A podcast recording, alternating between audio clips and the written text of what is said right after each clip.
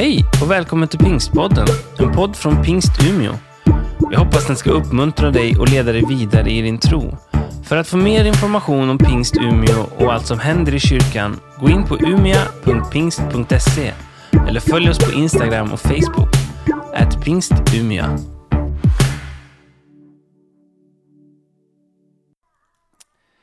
Vi har läst dagens ledord och eh, utgångspunkten för predikan. Men vi läser tillsammans nu. Läs med mig. Tron är grunden för det vi hoppas på. Den ger oss visshet om det vi inte kan se. Vi läser det en gång till, så kanske du kommer att kunna memorera det själv sen. Tron är grunden för det vi hoppas på. Den ger oss visshet om det vi inte kan se. Det här är inledningen av ett kapitel där man gör en vandring genom stora delar av Gamla Testamentet och så mynnar den här läsningen ut i det tolfte kapitlet som pekar på vem vi ska tro på. Tron... Oj, är min dator lite långsam. Tron har ju en fantastisk egenskap. Tro är förutsättningen för goda relationer. Alltså, om vi inte tror på varandra, då vågar vi ju inte berätta saker för varandra. Utan då håller vi tillbaka och så delar vi bara lite grann, lite artigt sådär. Men om man märker att det hos den andre finns en vilja att svara mot min tro, mitt förtroende, då byggs goda relationer. Jesus han kallade lärjungarna, han sa kom, följ mig, jag ska göra er till människofiskare. Och så gav lärjungarna Jesus sitt livs största förtroende. Och vad hände? De kom varann väldigt nära. Tro är också förutsättningen för all form av kunskap, även vetenskaplig kunskap. Alltså det som bygger på beprövad erfarenhet och, och, forskning, kvalitativa studier eller kvantitativa studier. Man har en tes, en tro. Och så vill man få den bevisad på ett eller annat sätt, bekräftad på ett eller annat sätt, eller motbevisad, upp, kanske rent av upptäcka att det här håller inte. Men allting börjar med tro. Ingen av oss skulle vara här idag om vi inte trodde på sammanhanget som vi söker oss till. Men vi tror. Och så, och så leder det till, till eh, möten på olika sätt. Bibeln säger i tro förstår vi att världen har formats genom ett ord från Gud och att det vi ser inte har blivit till genom något synligt. Ingen av oss var ju där.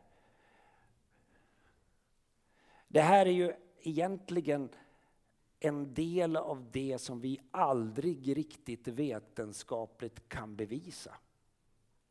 För vi kan inte göra ett experiment där vi börjar ifrån noll, när det ingenting finns och så skapar vi och så kollar vi hur det gick till.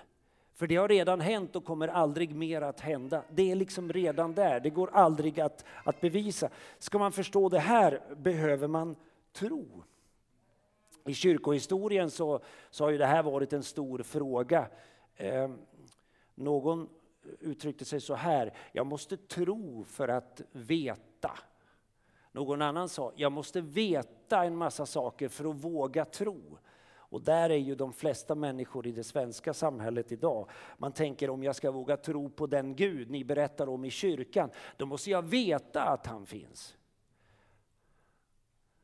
Och då vill jag göra lite ledsen. Här måste du chansa lite.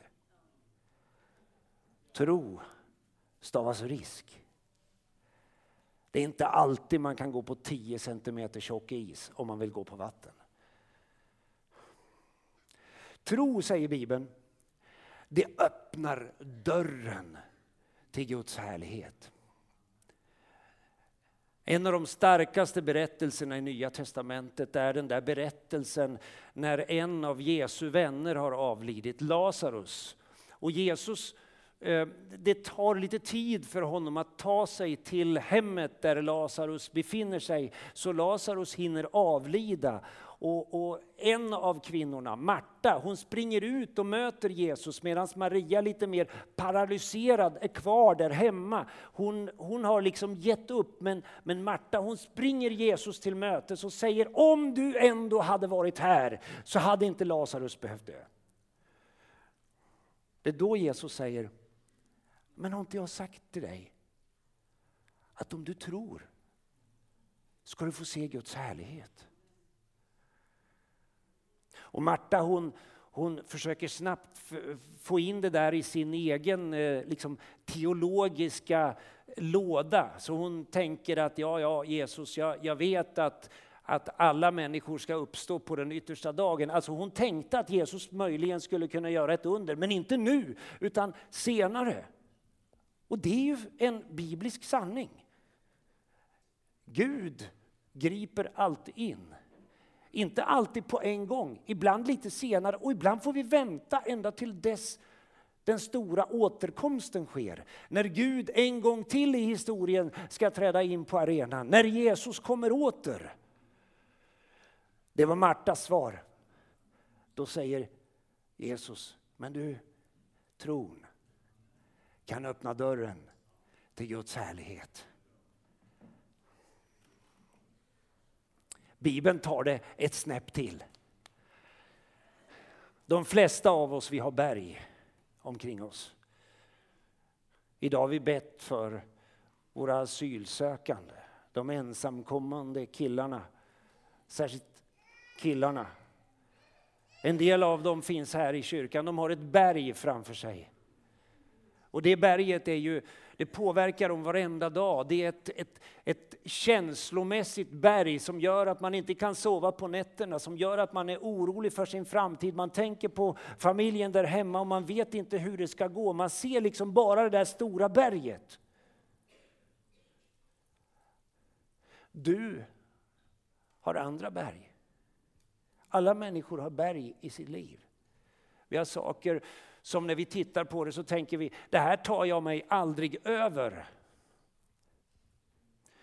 Då säger Bibeln, egentligen Jesus säger, sannerligen om någon säger till det här berget, upp och kasta dig i havet och inte tvivlar i sitt hjärta utan tror att det ska gå som han säger, då blir det så. Det är ju eh, det är en oerhörd utmaning.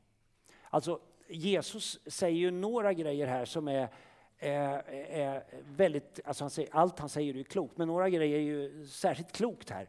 Han säger, håll inte på bara och analysera det här berget, utan utmana det. Det är inte alltid man orkar det. Det är inte alltid man är där i sitt eget liv. Det är därför man behöver den kristna gemenskapen. När min tro är svag, då kan jag gömma mig i ett sammanhang där det finns andra som tror. Några som kanske till och med kan bära mig fram till Jesus och hjälpa mig att utmana berget i mitt liv. Det är därför vi ställer oss tillsammans med de här grabbarna och säger, vi utmanar berget. Vi talar till berget. Och om det är politiker som har ställt sig i vägen, då talar vi till politikerna. Vi ger oss inte, för vi tänker att det där berget, det ska i havet och grabbarna ska över på andra sidan. Du har andra berg. Kanske du sitter här i kyrkan och du har ännu inte berättat för dina vänner om cancerbeskedet som du har fått.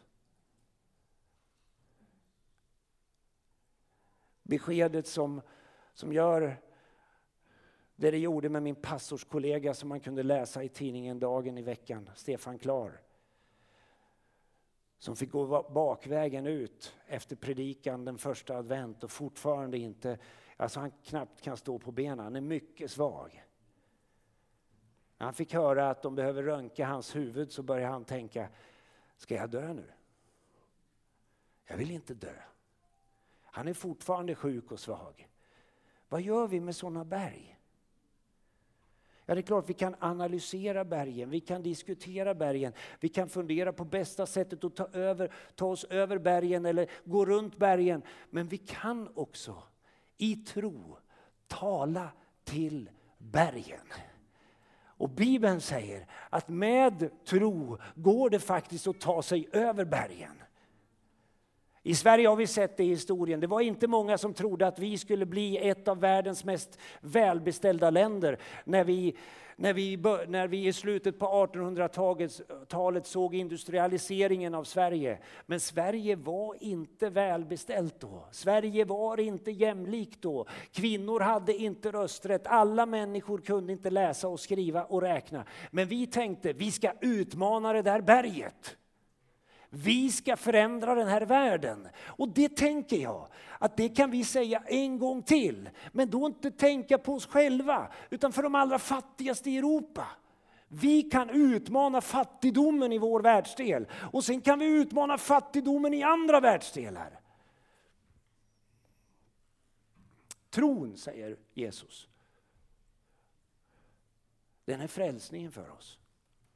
Den dagen vi slutar tro då förlorar vi vårt hopp.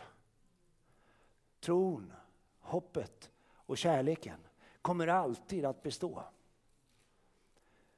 Så älskade Gud världen att var och en som, att han gav den sin, eh, sin enda son för att de som tror på honom inte ska gå under utan ha evigt liv. Alltså det är den som sätter sin tillit till Jesus. Som tänker att, att okej, okay, mina prestationer kommer inte att hålla hela vägen. Det, det funkar inte, men det Jesus gjorde, det funkar. Jag litar på honom. Då kan man ju ställa frågan, vad, vad, vad är då tro för någonting? Det blir så tydligt när man närmar sig här. För det, vi tänker ju som, som svenskar, vi är födda här. Vi tänker att tro, det är liksom min förmåga att liksom blåsa upp mig själv. Och skulle min predikan stanna här, då vore det inte bra. Men Bibeln, när den talar om tro, den säger tro, det har med tillit att göra. Och modet att våga lita på någon annan. Psalm 37 och 5, det är ju lätt att komma ihåg. 37, det är ju, det, man ska ju, då har man lite feber. Nu, nu kommer du ihåg. Lite lagom uppvärmt sådär, 37 och 5.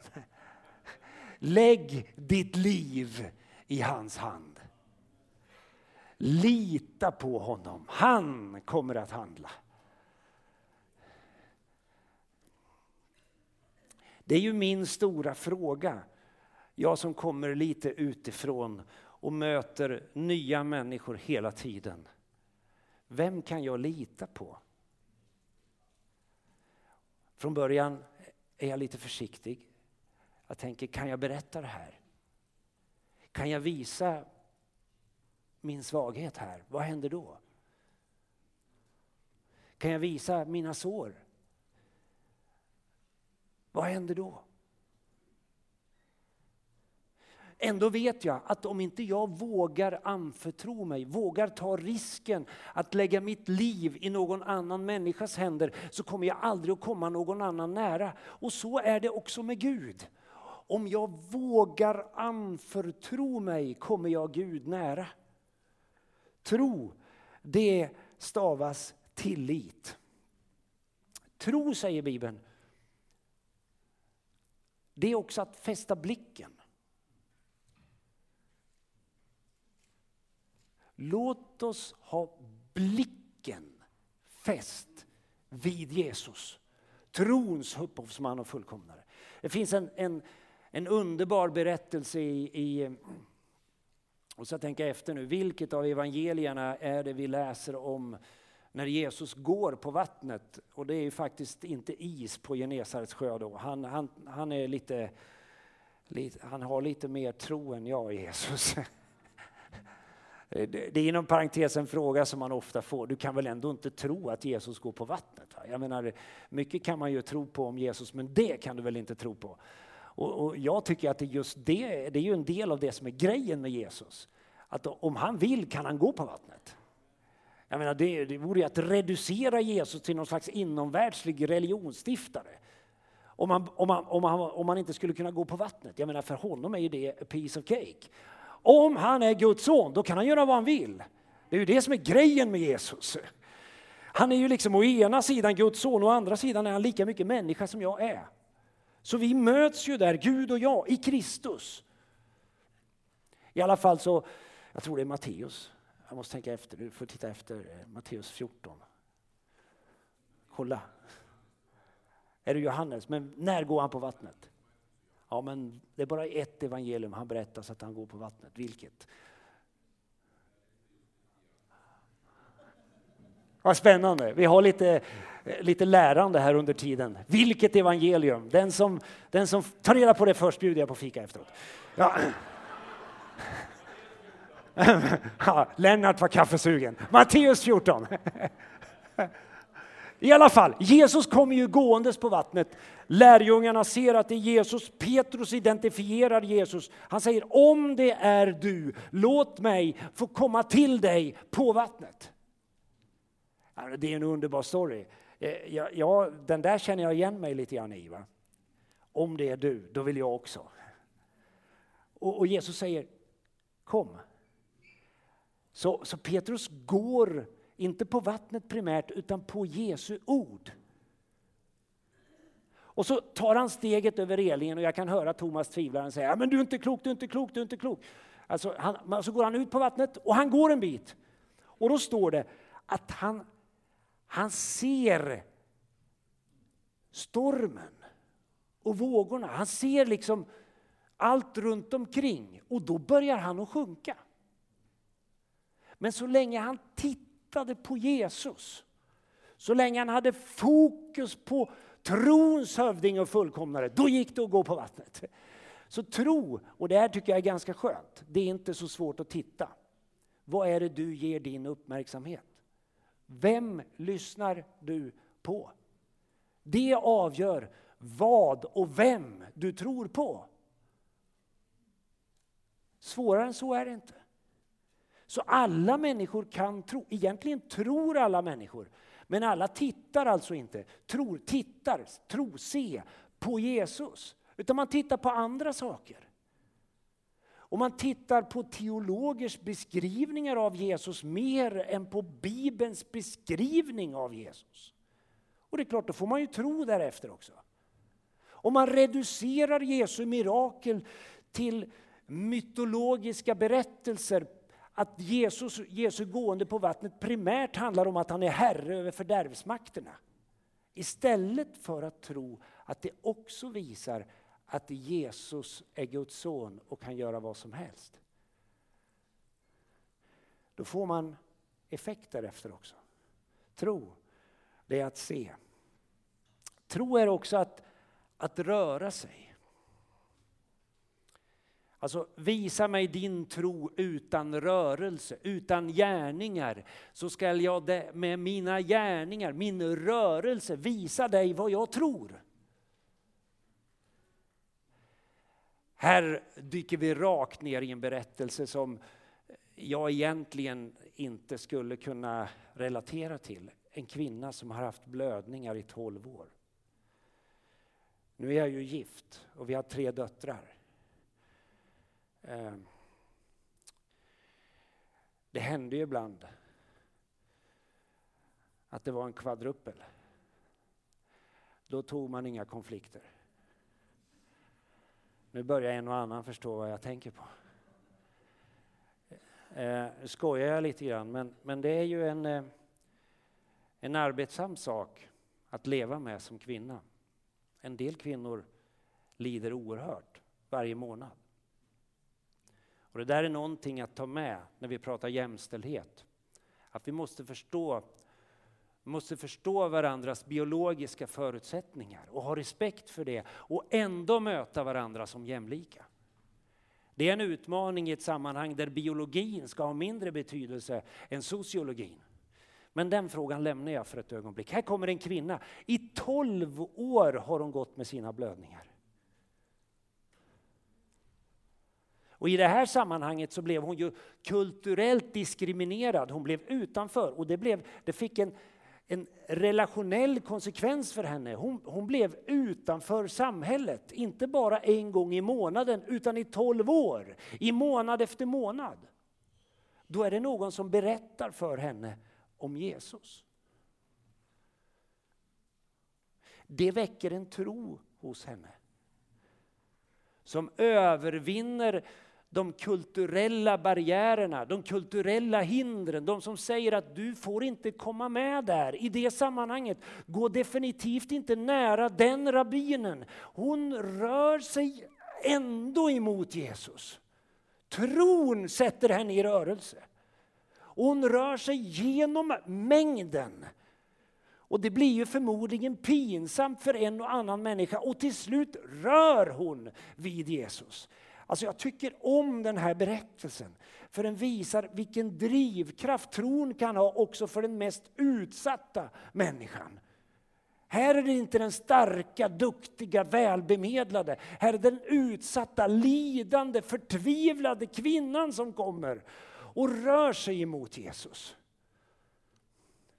Det är då Jesus frågar, vem, vem, var det som rörde vid mig? Alltså, och det var så mycket folk där omkring Jesus och lärjungarna tycker att Ja men du ser ju Jesus, det är hur många som helst här, du kan inte fråga vem som rörde vid dig. Alla är ju på dig, alla vill prata med dig.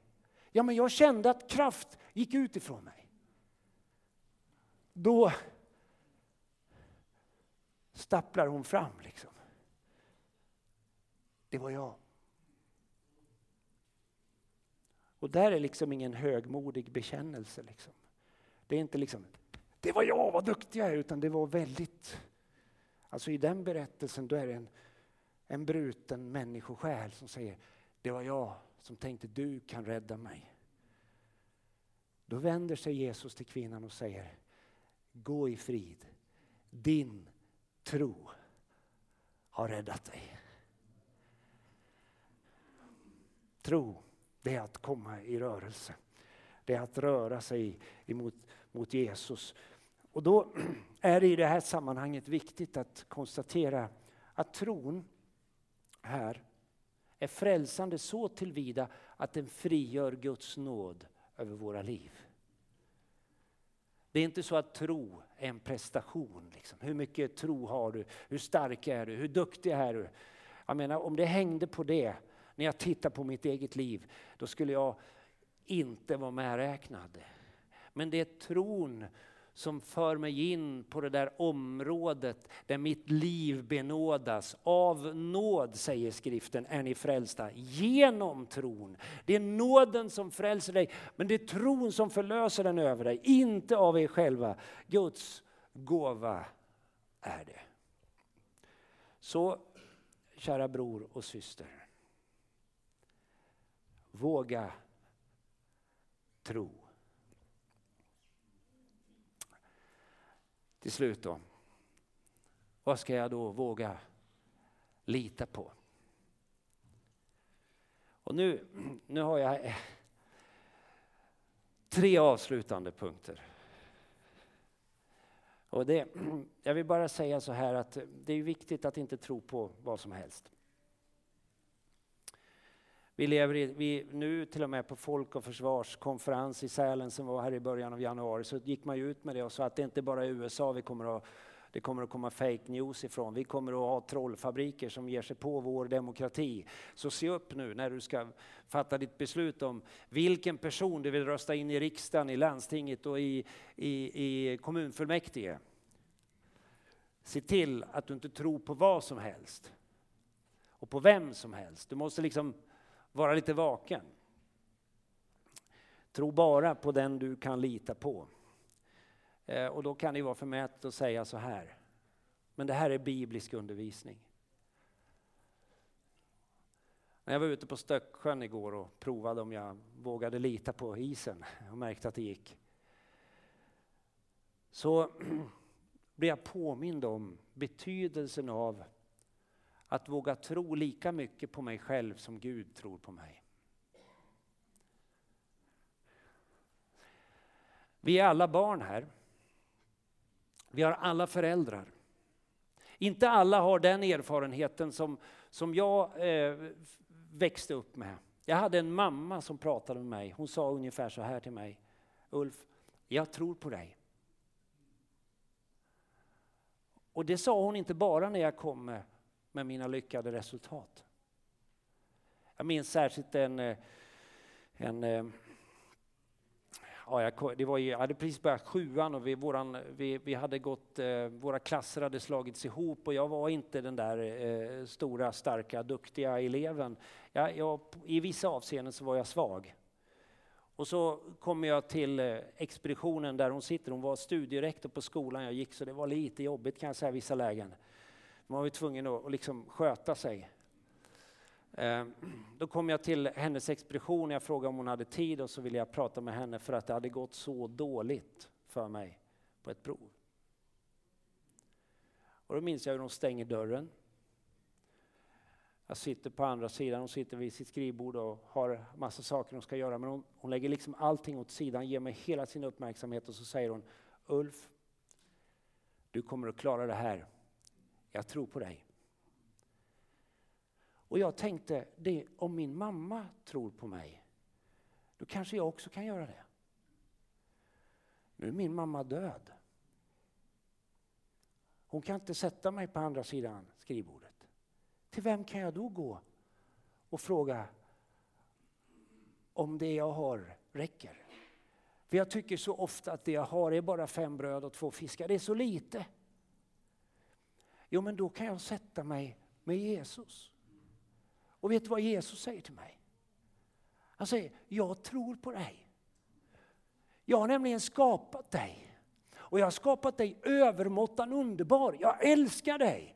Jag bekräftar inte allt som du gör. Jag ser att du gör misstag, jag ser att du har svagheter. Men jag tror på dig. Och jag kan höra himmelens Gud säga det till mig. Och då tänker du kanske, ja nu börjar den där pastorn bli livsfarlig alltså. Men vet du vad min hälsning är?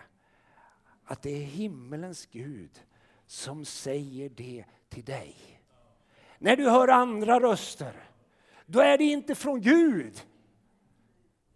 Djävulen han viskar om dina svagheter och synder. Han fiskar i glömskans hav. Han fiskar till och med i dopgraven och försöker få upp dina synder och säger det här har du på ditt samvete, därför kan inte du göra någonting. Men då finns det ett evangelium som säger att det finns en nåd som täcker in dina synder.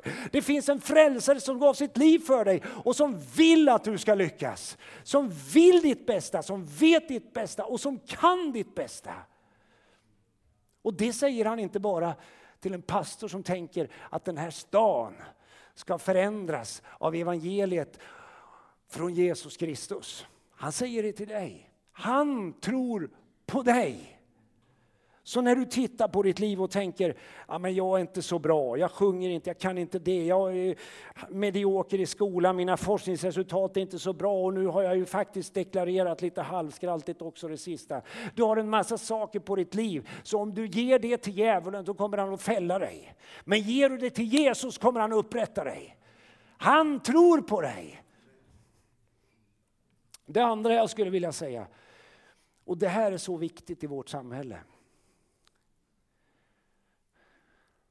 Alltså förr då kunde man gå på ett, på ett flygplan. Det räckte om man bara köpte biljetten. Och så checkar man in. Idag är det säkerhetskontroll efter säkerhetskontroll. Man får ta av sig, jag menar sist fick jag ta av mig skorna och nästan byxorna också. De tror inte på mig. Jag menar, vi har skapat ett samhälle va, där vi där vi har liksom börjat resa murar, kontrollstationer. Och det är klart, jag förstår ju att det inte är mig de är ute efter, för jag är ju så skötsam och bra. Ja, men jag, jag har inga intentioner att spränga något flyg i luften, det kan jag lova. Men misstron skapar avstånd. Cynismen när vi börjar tänka saker, att vad, vad ligger det bakom den där med, nej hon vill mig nog inte väl, och nej, nu sa han det, undrar vad det betyder. Och så istället för att prata med den det berör, så pratar vi med någon annan som förstärker min misstro. Och vad händer? Vi separeras ifrån varandra. Tänk om vi skulle börja våga tro på varandra. Våga lita lite mer på varandra. Och när vi märker att den andra inte kunde bevara förtroendet, då säger vi, du, det här känns inte bra, men kan vi inte börja om igen? Istället för att säga, det här känns inte bra och nu kommer jag aldrig mer att lita på dig. Bibeln är full av de här berättelserna. Bibeln berättar om människan som människan är, om verkligheten som verkligheten är. Men Bibeln säger också att det finns en annan väg. Låt oss tro på varandra. Och det tänker jag att vi som kyrka kan vara lite annorlunda. Därför har vi frågat de afghanska killarna om inte de kan ställa sig längst fram här idag och dela ut bröd och vin. Vi tänker inte att man måste bli svensk och skattebetalare och vara inräknad i alla hörn och alltihop det här, utan vi tänker att vi måste tro på varann. För vi vill vara nära varann. Vi vill skapa en gemenskap av tro med Jesus i centrum. Som betyder någonting för människor i den här världen där vi är så separerade från varandra. Slutligen, och det här är ju som att slå in en öppen dörr. Det är liksom som att, vad ska jag dra till med? Gå ut med Ja, jag kommer inte på något. Men ni fattar ju. Tro på Gud. Jesus säger, tro på Gud och tro på mig. I min faders hus finns många rum. Och vet du, när jag, när, när jag har läst den där texten har jag alltid tänkt på himlen. Och det är sant, den handlar om himlen. Men det finns en annan dimension i den texten. I min faders hus finns många rum. Det finns alltså rum för dig och ditt liv. Du är välkommen in i rummet. Det finns liksom ett, en plats för dig. Men det börjar ju med att vi tror. Kan vi då lita på Gud? Ja, på mig själv vet jag att jag är att lita på, men det brister ibland. På mina vänner har jag märkt att man kan lita på varandra. Men ibland krackelerar det också där. Men Gud den Gud Jesus berättar om, den kan man lita på. Han har visat att han står för det han har lovat. Han är det mest pålitliga vi har i hela den här tillvaron. Hur kan, jag, hur kan vi säga det? Ja, det ultimata beviset på att Gud går att lita på är ju inte bara att han säger saker, utan det är också att han uppfyller det han har lovat. Och han lovade ju faktiskt att han skulle komma in i den här världen. Han lovade att han skulle ställa sig i vårt ställe, att han skulle bära våra synder. Kristus, hans död och uppståndelse är garanten för att den Gud Bibeln talar om går att lita på. Så för att avsluta då. Våga tro och våga ta ett steg i tro. Ett steg till i tro. Och fortsätter du så så kommer du märka när du vänder dig om och tittar att ja, men nu har jag rört mig i trons värld. Och du kommer att märka att ditt liv blir välsignat när du lever ditt liv i tro. Tron mina vänner, den är grunden för det vi hoppas på. Den ger oss visshet om det vi inte kan se. Gud, jag vill tacka dig för för alla mina vänner här i kyrkan. Du vet att vi är, på, vi är i olika, olika faser i våra liv. Du vet en del av oss vi är fyllda av tro och vi tänker allting är möjligt. Vi ser liksom möjligheterna.